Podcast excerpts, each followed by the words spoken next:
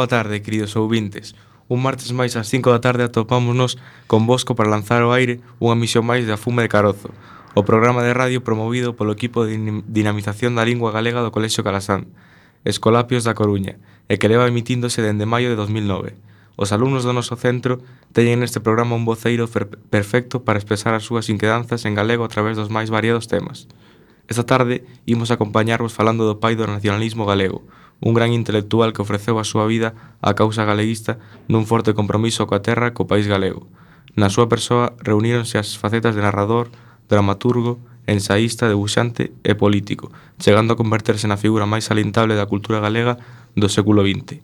Foi homenaxeado co segundo día das letras galegas, no ano 1964.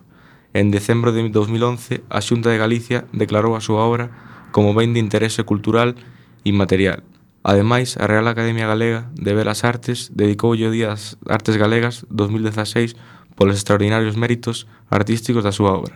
De quen estamos a falar? Pois de seguro que sabedes ben. Falamos de Afonso Daniel Rodríguez Castelao, dotado dunha sensibilidade singular, extraordinario debuxante e literato magistral.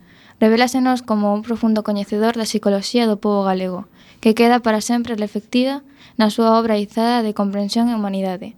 Toda a súa produción artística, o mesmo que a súa actividade política, está tinguea de amor polo pobo gallego e a súa figura acabada categoría do mito, xunto coa Rosalía, na historia da produción espiritual de Galicia. Castelao é un clásico da cultura galega. En todos os tan campos abrangue a súa obra na historia das artes plásticas, da prosa narrativa e na do teatro. Pola súa significación política e a súa produción ensaística, tamén é un clásico da historia do galeguismo. Antes de comenzar a debullar a vida e a obra deste autor, poñeremos algo de música, pero non debemos facelo sen antes presentarnos as persoas que hoxe vos vimos acompañar. Somos alumnos de primeiro de bacharelato. Ola, son Patricia de la Orden. Boas tardes, eu son Laura Mespollet. Boa tarde, eu son Martín Varela. Ola, eu son Alba Veiga. Boas, eu son Alejandro Oval. Castelao era de orixe rianxeira, pois que mellor que comenzar o programa escoitando unha versión da popular rianxeira da man de Ana Quiro. Música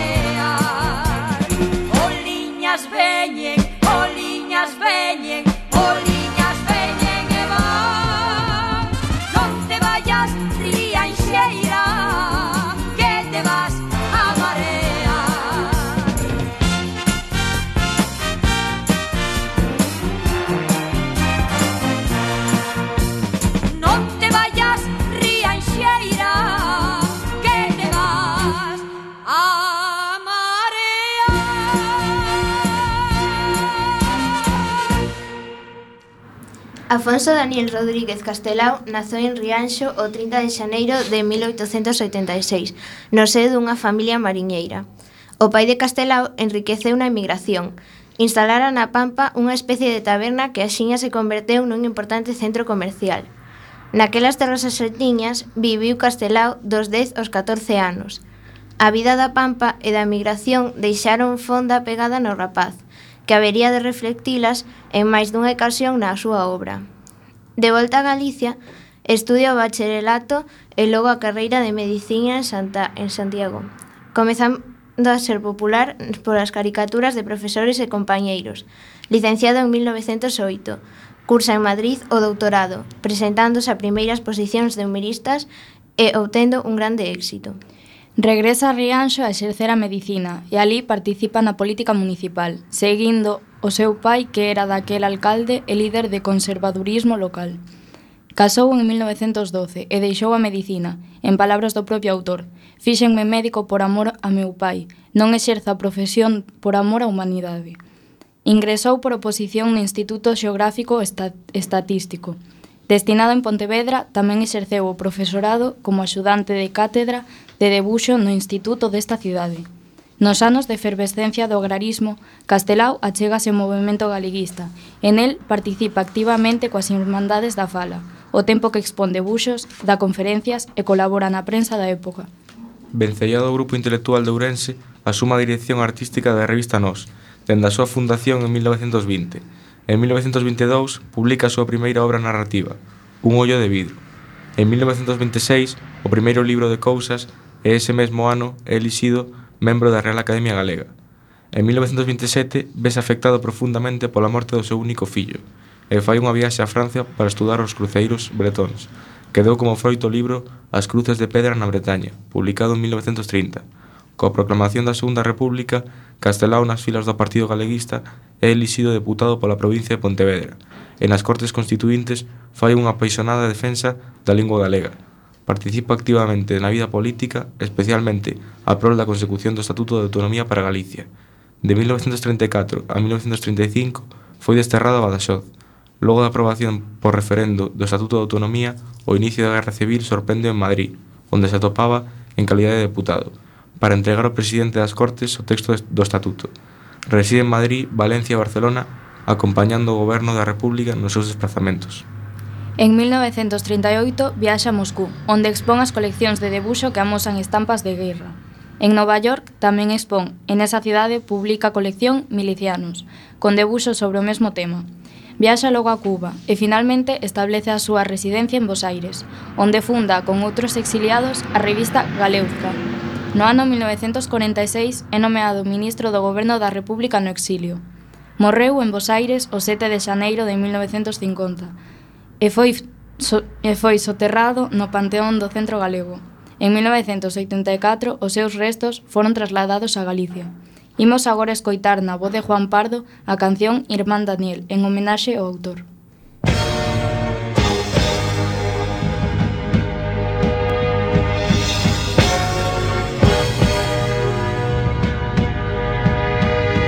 Irmán Daniel na praia de Rianxo caían como vaguas as estrelas. Espallaban teus aies derradeiros Bruantes ventos das andinas serras. E ondas galgantes en cramor chegadas da Pratense Ribeira.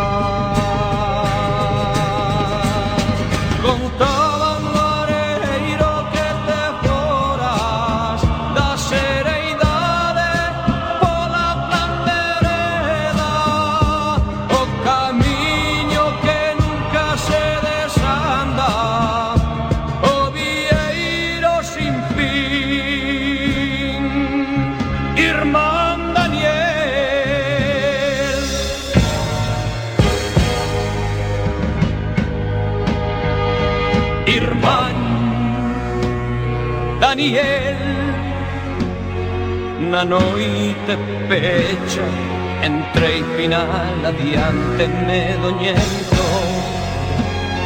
Hai alma un feitizo prisioneira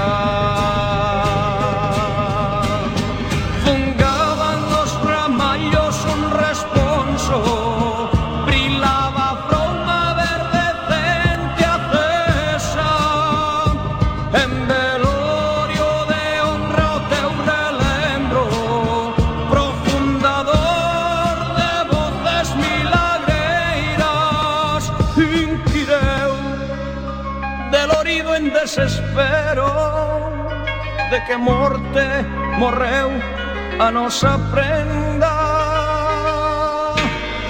Atravesou meu peito un dor punxente Esguío de saieta E dixenlle a verdade cruz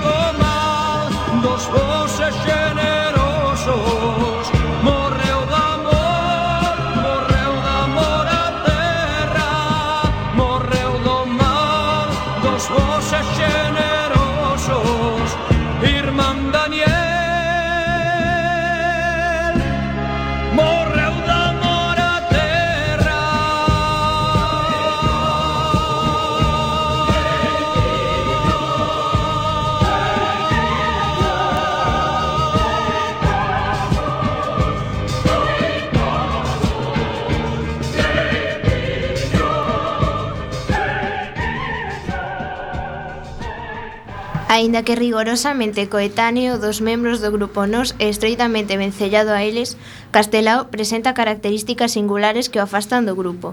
A súa procedencia social era máis popular que a dos ourensáns, e tamén a súa obra, sen prexuízo da universalidade.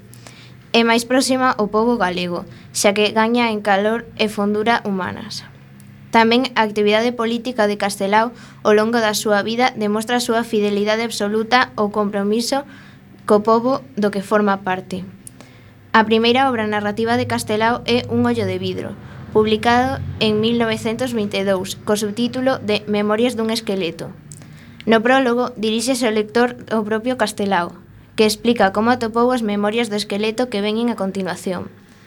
Estas son unha serie de secuencias narrativas que non gardan outra unidade que a de que, que a de estar contadas por un mesmo narrador, o esqueleto que lembra sucesos da súa vida pasada, a dous colegas de cemiterio, percibidos a través da prótese de vidro que lle tapará de vivo o oco dun ollo perdido. Percíbese nesta obra unha dose de tenrura inusual no mestre Ourensán, É ben significativa da súa concepción do, do humor a cita de Mark Twain insertida por Castelao no inicio do libro. Debaixo do humorismo hai sempre unha gran dor, por iso no ceo non hai humoristas. Este humor de Castelao non é alleo a sátira social de carácter anticaquil. Quixen saber quen fora o vampiro no mundo dos homes e fun ler o seu, no, o seu nome de bronce no rico mármore da campa. O seu nome só abondoume, fora un canalla que roubara para dar regalía o seu bandullo de porco, dono da xustiza, roubada desde a súa confortable casa. Para que decir máis, era, era un cacique. No epílogo do relato, Castelao diríxese novamente ao lector e promete, como continuación destas memorias dun cemiterio da cidade, unha segunda parte na que o escenario sería un cemiterio rural. Para iso, leva ollo de vidrio o seu amigo enterrado no adro dunha igrexa, comandado de que lle escriba canto vexa polo ollo. Non publicou, ta, non publicou tal continuación. En 1926 apareceu o primeiro libro de cousas, un conxunto de prosas con ilustracións publicadas con anterioridade na prensa. A editorial Nos, en 1929, publicou unha segunda colección e, en 1934, unha edición que recolle o contido dos dous libros precedentes. O conxunto das cousas iníciase cunha introdución titulada A carón da natureza, onde Castelao explica que a necesidade de comunicar Mensaxes que a pintura non pode expresar foi o que o levou a empregar as palabras a literatura como cale de expresión. Cada cousa leva unha ilustración que complementa o texto. Este desenvolve brevemente asuntos de temática variada, en moitos casos de ambiente labrego ou mariñeiro, comprimidos por un procedimento semellante á técnica de debuxo empregada por Castelao. As cousas constitúen a fórmula literaria máis orixinal e característica de Castelao, Narran a historia ou algún acontecemento de diferentes personaxes, pero poden non ter carácter narrativo e ser en troques a lírica expresión dun delicado pensamento. Algunhas ateigadas de lirismo e sinxelas na forma poden ser mesmo consideradas como poemas en prosa. O sentido da cita que, enca que encabeza un ollo de vidro tamén acae moi ben o carácter das cousas, unha vaga tristeza, reflexo da fonda comprensión e o amor que Castelao sentía polas xentes que sofren, vítimas do azar ou a inxustiza, impregnan estas promesas, tanto as que constitúen un conto triste como as máis cómicas ou desprovistas de intención moralizante. O final de cada unha, fundamental na estructura, está cuidadosamente traballado. Imos lervos unha das que máis nos gustan, a do pai do Migueliño. O pai do Migueliño chegaba das Américas e o rapaz non cabía de gozo nosotras seu festeiro. Migueliño sabía cos ollos pechados como era o seu pai pero antes de sair da casa botoulle unha ollada ao retrato. Os americanos xa estaban desembarcando. Migueliño e a súa nai agardaban no, no peirao do porto. O corazón do rapaz batíalle na táboa de peito e os seus ollos esculcaban nas greas en procura de pai ensoñado. De súpeto avistou uno de lonxe. Era o mesmo de, re, de retrato ou aínda o mellor apartado. E Migueliño sentiu por el un grande amor e canto máis se achegaba ao americano, máis cobiza sentía o rapaz por enchelo de bicos.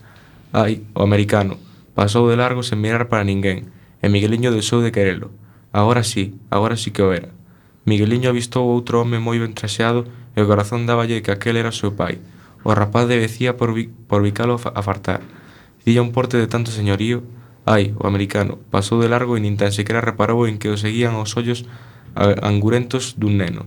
Migueliño escolleu así moitos pais que non eran e a todos quiso tolamente e cando esculcaba con máis anguira fíxose cargo de que un home estaba abrazando a súa nai. Era un home que non se parecía ao retrato, un home moi fraco, metido nun traxe moi frouxo, un home de cera, coas orellas fora do cacho, cos ollos embonqueirados tusindo. Aquel si era o pai de Miguelino. Imos facer unha nova pausa musical e de seguida volvemos a estar con Bosco. Escoitamos agora a canción Compañero da Daniel, na voz de Suso Bamonde.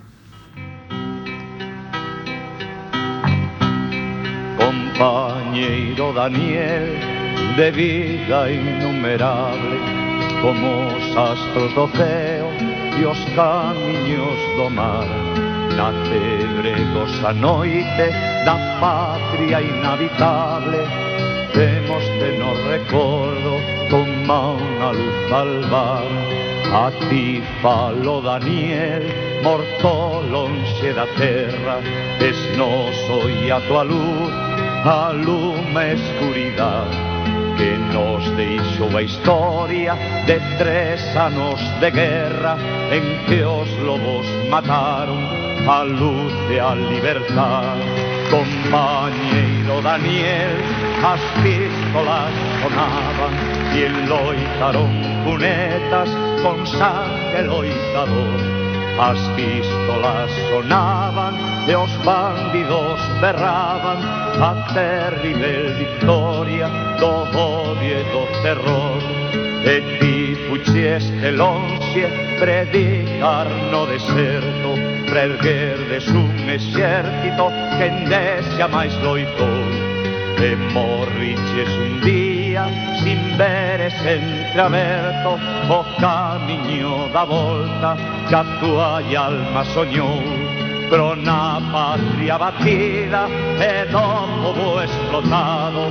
Nacimos nosos filhos da morte do triste perjurando furiosos, venganza en nuevo estado y un garro se alborada, sin cabo ni comen y activo compañero que huracán alegre mató desesperado, naufragado al mar.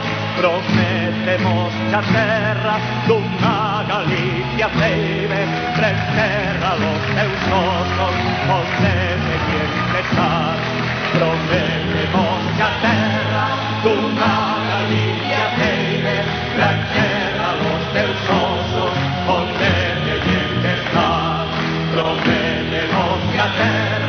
lontana l'India pelle l'archera lo teu sosso potente O libro Retrincos, publicado en 1934, é unha colección de cinco contos que se representan como autobiográficos e que recollen cinco momentos da vida de Castelao, ordenados cronolóxicamente. Hai retrincos en carne viva que poden mostrarse tal como se conservan na memoria e aínda convén certificar da súa autenticidade. Son esas cousas que lle pasan a un e dá gusto que se excedan crean cando se contan. Por iso, eu ofrezovos hoxe un anaco da miña vida e pregos que os tomedes por certos e verdadeiros. Pero se coidades que son mentiras, eu perdoos por adiantado. A primeira historia, O Segredo, relata unha anécdota de estancia do neno castelao entre os gauchos da Pampa. Un gaucho morrera na pulpería que tiña o seu pai e esta ordenou ao seu fillo que gardase silencio para que non chegase noticia a nai, que estaba asustada pola vida brava daquelas xentes temerarias. Mentres vivimos naquel deserto, miña nai non se decatou de que calquera de nós podía morrer ali e podía ser soterrado como un can. Eu souben gardar o segredo. O segundo relato, o inglés, tamén se desenvolve na Pampa Argentina, nos anos de Guerra de Cuba. O conto comeza coa declaración seguinte: Eu quixen asasinar a un inglés por patriotismo. O neno Castelao pintaba na pulpería do seu pai os barcos da escuadra española. E un inglés que ás veces dormía ali ríase da exaltación patriótica do pequeno debuxante. Tras o desastre de Santiago de Cuba, as mofas do inglés feriron o neno, que argallou un plan para asesinar a este, Pola noite, cando soasen as dúas, achegaríase en silencio, cabo do inglés, para lle espetar un coitelo na gorxa. Aquela noite deiteime cos ollos ben abertos, apreixando na man o coitelo de matar os carneiros. O reloxo do comercio tardou tanto en dar as dúas que fun vencido polo sono. Cando espertei, batía o sol no lombo da pampa. O inglés salvarase de milagre. O terceiro relato, Peito de Lobo, preséntanos ao castelao estudante en Compostela. Ocorreráselle facer para as festas de Riacho un cabezudo que reproducía o rostro dun mariñeiro coñecido polo alcume de peito de lobo. O mariñeiro alporizouse con aquela reproducción grotesca de sí mesmo e quería vingar a aldraxe. Pero co tempo foise amigando con Castelao e co enorme cachola de cartón. Orgulloso de se sentir un pouco inmortalizado, andando os anos, o mariñeiro foi ave avellentando e tamén se foi derramando cabezudo de cardón. O ano derradeiro pasei diante da casa de peito de lobo. Que tristura me deu. Estaba no balcón sentado, semellante a un monifante de farrapos, encostado no corpo vivo da súa compañeira. De pasada saudeino con agarimo. Peito de lobo miroume con ollos de peixe podre, e a súa muller díxome con vagos nos ollos. Alá se foi o cabezudo, señor. O penúltimo relato, o, re, o retrato, é unha fermosa anécdota de cando Castelao se deixara a medicina, a curación imposible para un médico e o milagre feito polo pintor. Sen dicir nada, senteime a dibuxar o que ollaban os meus ollos de terra, e soamente, ao cabo de algún tempo, conseguín a facerme o drama que fitaba e aínda esquecelo un pouco, para poder traballar afervoado, como un artista. E cando o deseño estaba xa no seu punto, a voz de Melchor agrandada por tanto silencio, feriume con estas verbas. Pol alma dos seus defuntos non mo retrate así, non lle poña esa cara tan encobeirada e tan triste. Confeso que volver, realidade non souben que facer, e púseme a repasar as liñas xa feitas do retrato. De súpeto naceume unha gran idea. Rachei o traballo, ensumín o meu ollar nun novo papel branco e debuxei un neno imaginario. Inventei un neno moi bonito, moi bonito, un anxo de retábulo barroco a sorrir. O último dos retratos, Sabela, é unha reacción da súa época de deputado en Cortes, contemporánea do momento en que a escribe Castelao.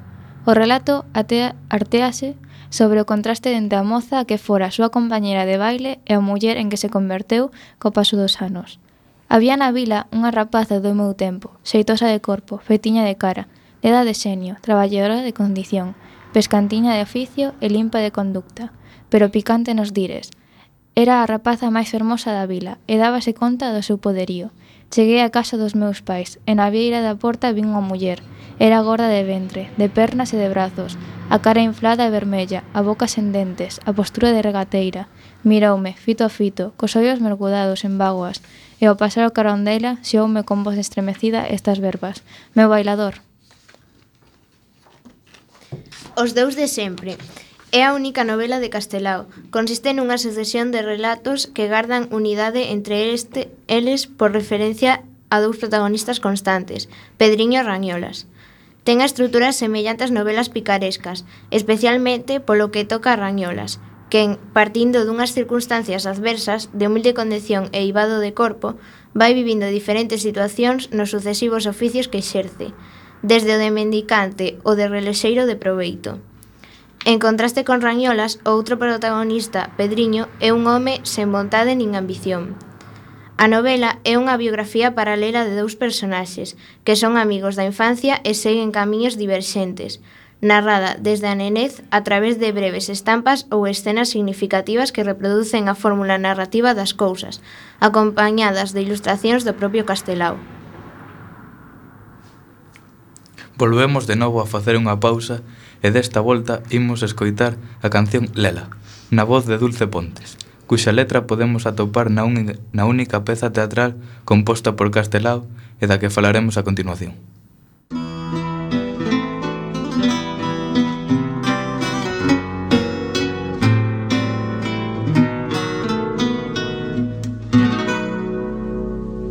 Mm, están as nubes sonando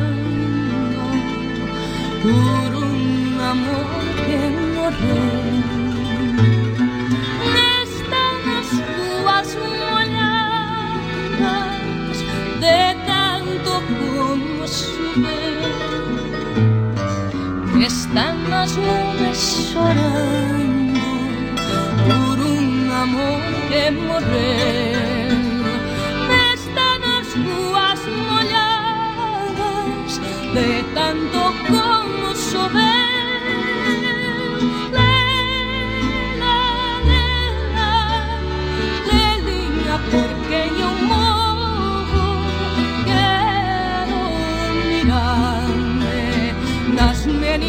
Dos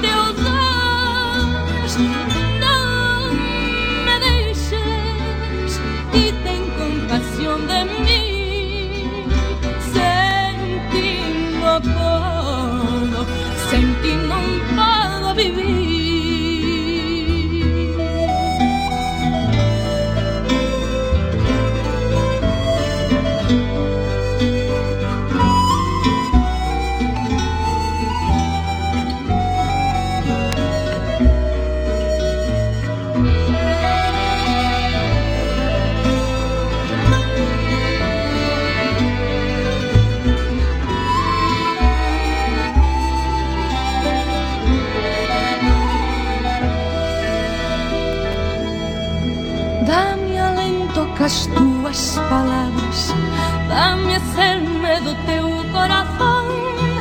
Dame lume cas túas miradas Dame vida ca teu doce amor. Dame alento cas túas palabras Dame selme do teu corazón. Dame lume cas túas miradas Dame vida co teu doce amor. Dame lume cas túas co teu doce amor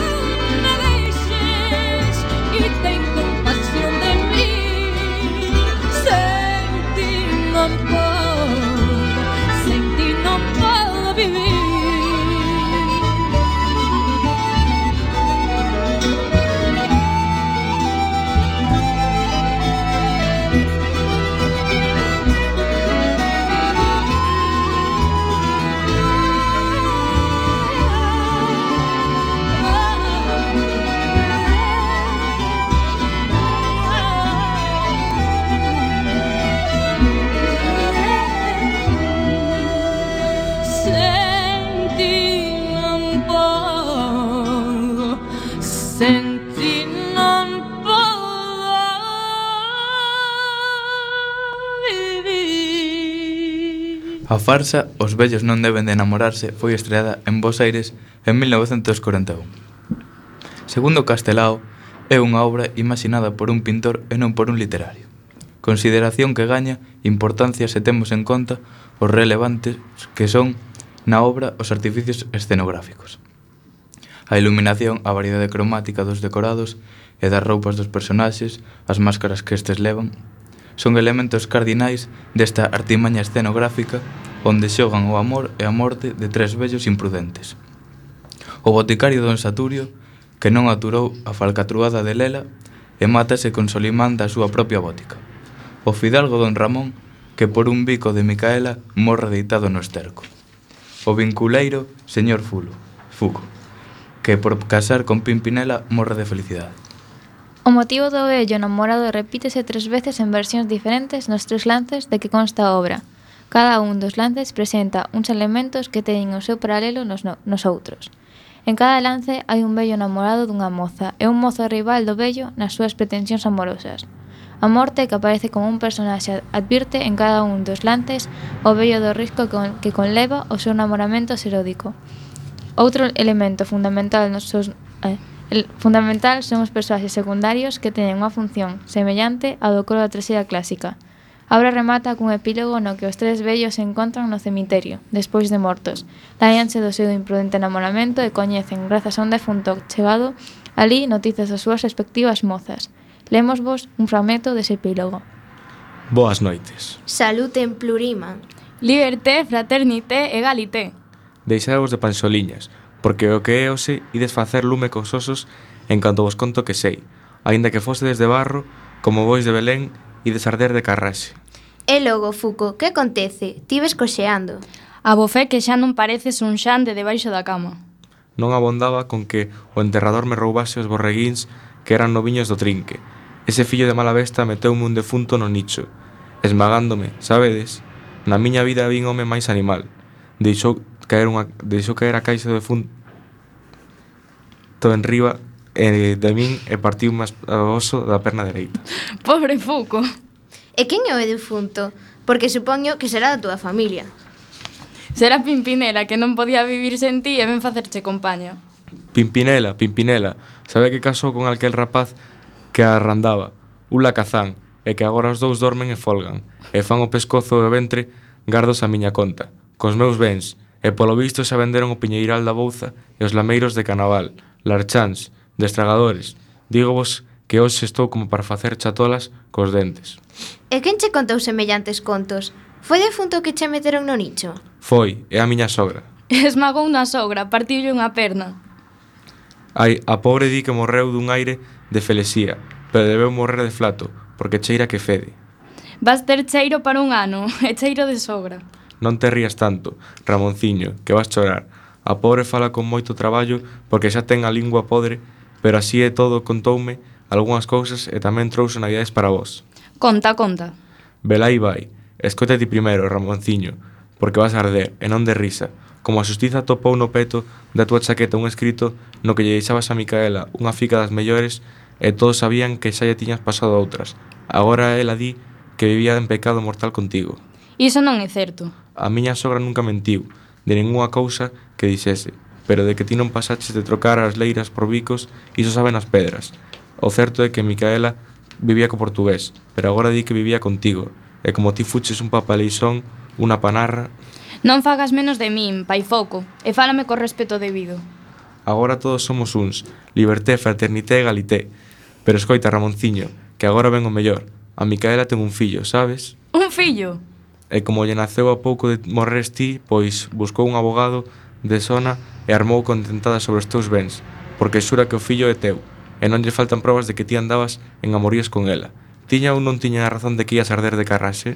Ah, Galdrumeira, se algún día ven a este cemiteiro, vou mallar nela como mallou Santiago nos mouros.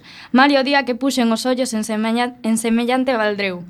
Panarra de min, papaleisón, e vanse quedar cos meus bens e co meu señorío. E como se vai rir de min o portugués? A Micaela non é parva, non. Chimpou portugués fora de sí, pero todos din que voltará cando a xustiza faga sentencia. Tamén a Micaela e o portugués van folgar e criar touciño a túa conta quen os verá tomando a raseira do sol na solaina do Pazo. Cadráronche vos herdeiros, Ramonciño. A bonda de burlas, Fuco, porque son capaz de, de, tron, de tronzarche a, a outra perna e deixarte baldado para sempre. Non tal por que some, que moito máis te burraches ti de min falándome de Pimpinela. E para min non traedes novas ningunhas. Tamén hai algo, pero máis livián. A túa lela casou co carabineiro e xa ten catro fillos. Malpocados rapaces, mellor sería que fosen fillos dun boticario. As túas irmáns venderon a botica e viven con catro fantasmas agardando a morte e chorando por ti.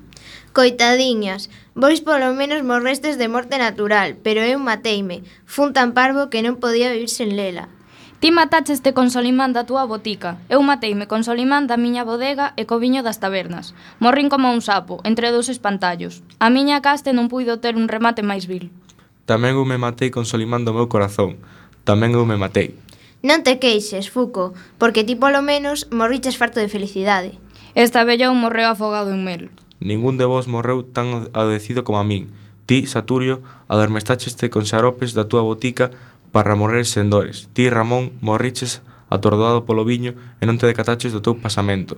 A miña morte foi ar arrabeada.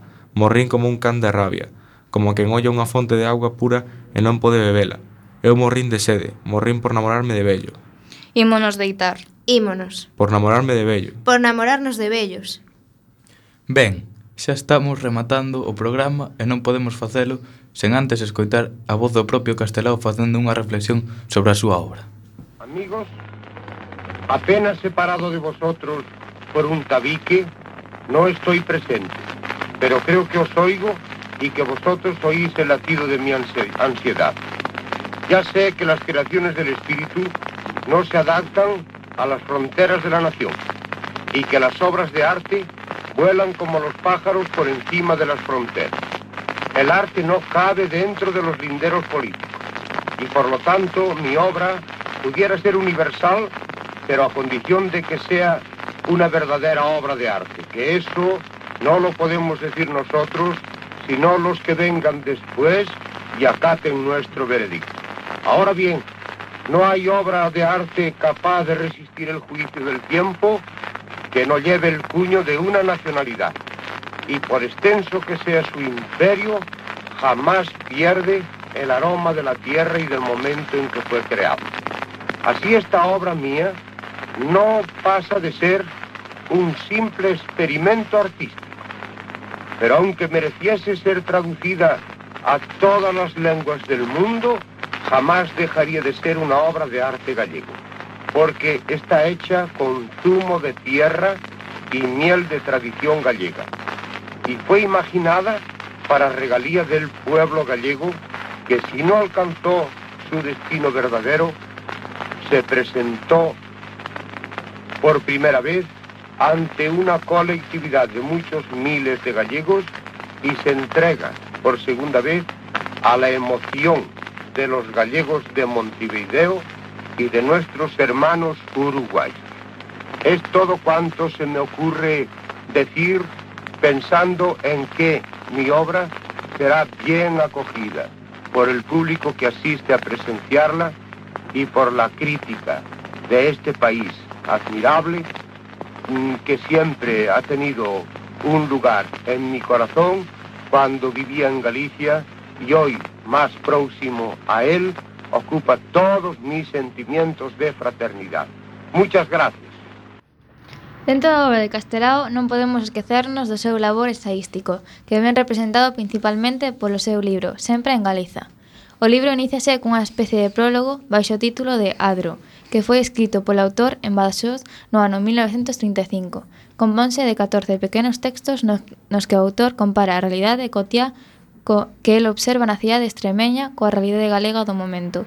Constitúe a parte máis interesante do libro desde o punto de vista literario. A primeira parte do volume, libro primeiro, foi escrita en Barcelona e Valencia no ano 1937. Castelao trata de convencer aos republicanos españois da causa galeguista.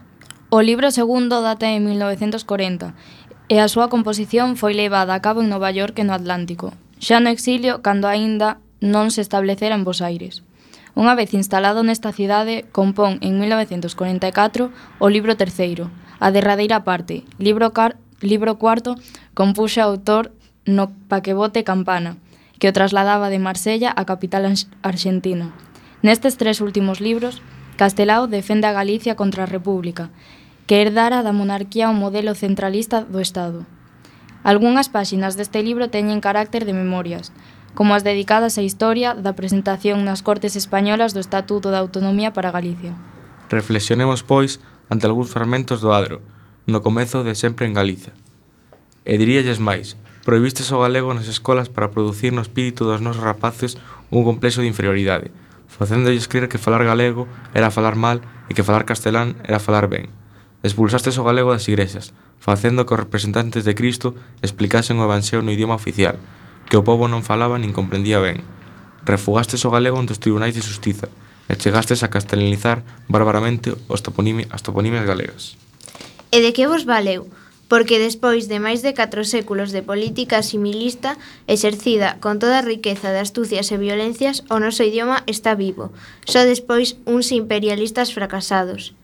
Un idioma non nace pola vontade xenial dun grupo de homes, nace pola disposición psicolóxica dun pobo, que, en condicións históricas favorables, crea unha cultura e a súa correspondente maneira de expresión, porque un idioma é o corpo sensible dunha cultura. É todo atentado á lingua peculiar dun pobo representa un atentado á súa cultura peculiar. Mais os povos teñen unha forza máxica, invulnerable, e por iso as nacións asoballadas poden verse privadas do seu poder creador, ou poden converterse en parásitos da cultura dominante, pero en xamais se deixan asimilar. O problema do idioma en Galicia, en Galiza é un problema de cultura. Estamos fartos desa cultura esterilizada, que nos fan mamar o por biberón. Nos queremos mamar a cultura na propia teta. Pedimos garantías legais para o desenrolo natural do noso espírito, porque queremos volver a presentarnos dignamente no mundo, levando nas mans o ouro da nosa cultura, sabedoría manifestada, para ofrendarllo o acervo espiritual da humanidade. Imos presentarvos a nosa profesora Lupe, que nos vai falar un pouco máis sobre Castelao. Ola, boas tardes, rapaces. Pois nada, eh, quería comentarvos que quería preguntarvos, é eh, máis, resulta vos algo curioso o feito de que xa dende primeiro da ESO se vos propoñan lecturas de Castelao? Non vos chamou a atención? Por que ano tras ano se vos vai dicindo pois por que non ledes un ollo de vidro, por que non ledes algunha cousa ou podemos comentala en clase, porque non ledes retrincos, como pasou algunha vez, os dous de sempre, e claro, que mala é Lupe que na primeira avaliación deste curso en primeiro de bacharelato vos fai ler unha peza teatral, nada máis e nada menos, nesa linguaxe que non é tan habitual para vos, nesa linguaxe propia da xeración nos. Nunca vos fixestes esa pregunta? Non. Home, a ver, eh, despois de tanta importancia, pois é eh, porque será unha figura moi importante en Galicia e as súas obras, pois terán un maior prestixo que, que outras. Uh -huh. Non é, efectivamente, non é para menosprezar a outros autores, pero eh, dentro do Seminario de Galego, pois unha das mellores maneiras que viamos para difundir eh, a obra, vale, a cultura galega, eh, bueno, a obra dos nosos máis eh, afamados e eh, renomeados escritores era, pois por que non, dende pequeniños, entrar en contacto coas palabras de Castelao. Entón, a veces recoñecemos os profesores de galego a dificultade de ler a súa obra, sobre todo ante ese galego non normativo, que sí que, o que está deshabituados. Pero víamos que era unha forma tamén de coñecer ese castelao que dentro de pertencer ao grupo nos eh, non era quizáis pois tan cultista, era un pouco máis popular, eh, buscaba o apego da xente, facerse entender, unha prosa moito máis sinxela, máis breve, e se ainda por riba pois, o acompañábamos de os famosos debuxos, non? Sobre todo aqueles que gustan o debuxo artístico e que quedaban fascinados ante os álbumes de guerra que ensinábamos con aquelas eh, estampas cruéis, non? Eh, das consecuencias da Guerra Civil Española, pois sempre podíamos, eh, dicíamos, eh, achegarvos un pouquiño máis e que fose descoñecendo a súa obra eh, quizáis eh, somos máis partidarios de que nos cursos máis inferiores, en primeiro, en segundo, pois se vayan achegando as cousas. Vale, como moito, pois a retrincos. E ao chegar á secundaria, empezamos ou ben seguimos con terceiro en cuarto con retrincos, ou xa entramos na novela, que é un pouco máis longa, dos dous de sempre. Por que non falar de Pedriño, de Rañolas, non? Esa, ese, ese impacto que sofren todos os lectores cando, profe, Pero ese final tráxico, como que mete dinamita na boca? Como que se fai estou para a cabeza? Non, e claro, se xa tiña todo, se xa conseguira ser reloxeiro, se era unha persoa culta, e de repente resulta que Rañolas non é o Rañolas do principio, se transforma. E Pedriño, pobriño, Pedriño, esa sogra que lle toca en sorte, que non o deixa en paz, que vemos que é un baldrac, baldrocas, que non vale para nada, e de repente, pois aí o ves, erguido, peito enchido e a tirar para adiante. Pois todo iso o facemos precisamente para que vos acheguedes a esa figura emblemática que é Castelao. E os vellos non debe de enamorarse, vos adoitamos a poñela en primeiro de bacharelato porque nos parece que quizáis é a peza que vos falta por coñecer de Castelao antes de pasar o ensayo, co sempre en Galiza que serían palabras maiores, moito máis, non? A min particularmente, eh, cando explico a obra de Castelao, gústame ver pois a gústame ver pois algunha lervos algunhas cousas e unha delas que se me permitides vos vou ler a continuación eh, ten que ver cunha obra de teatro. Para que vexades un pouco como el eh, se achegaba os máis os máis pobres, os máis humildes que ao final eran polos que el loitaba, por ese pobo a veces esquecido, pois polos políticos do momento, ese pobo que que derramaba vaguas, pois, por exemplo, como di aquí, pois pola morte dunha vaca, non? A quen lle podería importar a morte dunha vaca? Pois a cantos labregos, non? Que vían aí o seu medio de subsistencia. Pois permitídeme que vos lea unha pequena cousiña. Di así Castelao. Se eu fose autor, escribiría unha peza en dous lances. E a obriña duraría dez minutos nada máis. Fixadevos, eh? Primeiro lance, Érguese o pano e aparece unha corte aldea. Un cortello da aldea, vamos, que todos coñecemos. En riba do estrume hai unha vaca morta. Arredor da vaca hai unha bella velliña, unha muller avellentada, unha moza garrida, dúas rapaciñas bonitas, un vello petrucio e tres nenos loiros. Todos choran a fío e enxoitan os ollos coas mans, Todos fan o pranto e din cousas tristes que fan rir, ditos paifocos de xentes labregas, angurentas e cobizosas, que pensan que a morte dunha vaca é unha grande desgracia.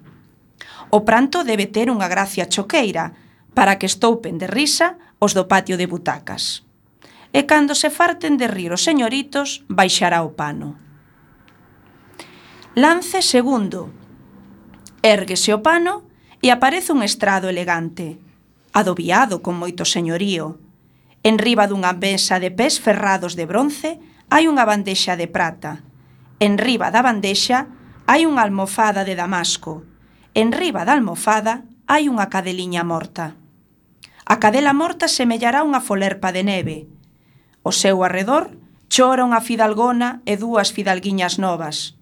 Todas elas fan o pranto e xonta, enxoitan as vaguas con paniños de encaixe. Todas van dicindo unha a unha as mesmas parvadas que dixeron os labregos diante da vaca morta, ditos tristes que fan rir, porque a morte dunha cadela non é para tanto. E cando a xente do galiñeiro se farte de rir a cachón, baixará o pano moi a modiño. Pois mirade, con esta cousa tan sinxeliña que son dous actos pequenos, vemos a diferenza das clases sociais das que tanto facía eh, Castelao, das que tanto falaba na súa obra, e como el fai a defensa desa pobreza, pero ao mesmo tempo desa humildade fronte ao señoriño, o señoriño que se cree superior, porque a ver, que é máis importante, que é máis doloroso, a morte dunha vaca para uns labregos ou a morte dunha cadela para uns fidalgos. Pois nada máis, aí vos queda. Seguida lendo a Castelao, vale? E ánimo. Pois despois destas palabras da nosa profesora de galego Lupe, eh, chega o momento de rematar o programa de hoxe. Lembrade que todos os martes ás 5 da tarde o equipo de dinamización da lingua galega do Colexo Calasanz, Escolapios da Coruña, emite este programa, A Fume de Carozo, realizado por alumnos do noso centro. Hoxe os presentadores fomos. Hasta outra, eu son Patricia da Orden. Que teñades boa tarde, eu son Laura Mespollet. Moitas grazas polo voso tempo, de Martín Varela. Ata a próxima, Alejandro Doval. Que pasedes un bo martes. Ata a próxima, Alba Veiga. A fume, a fume de, de carozo. carozo.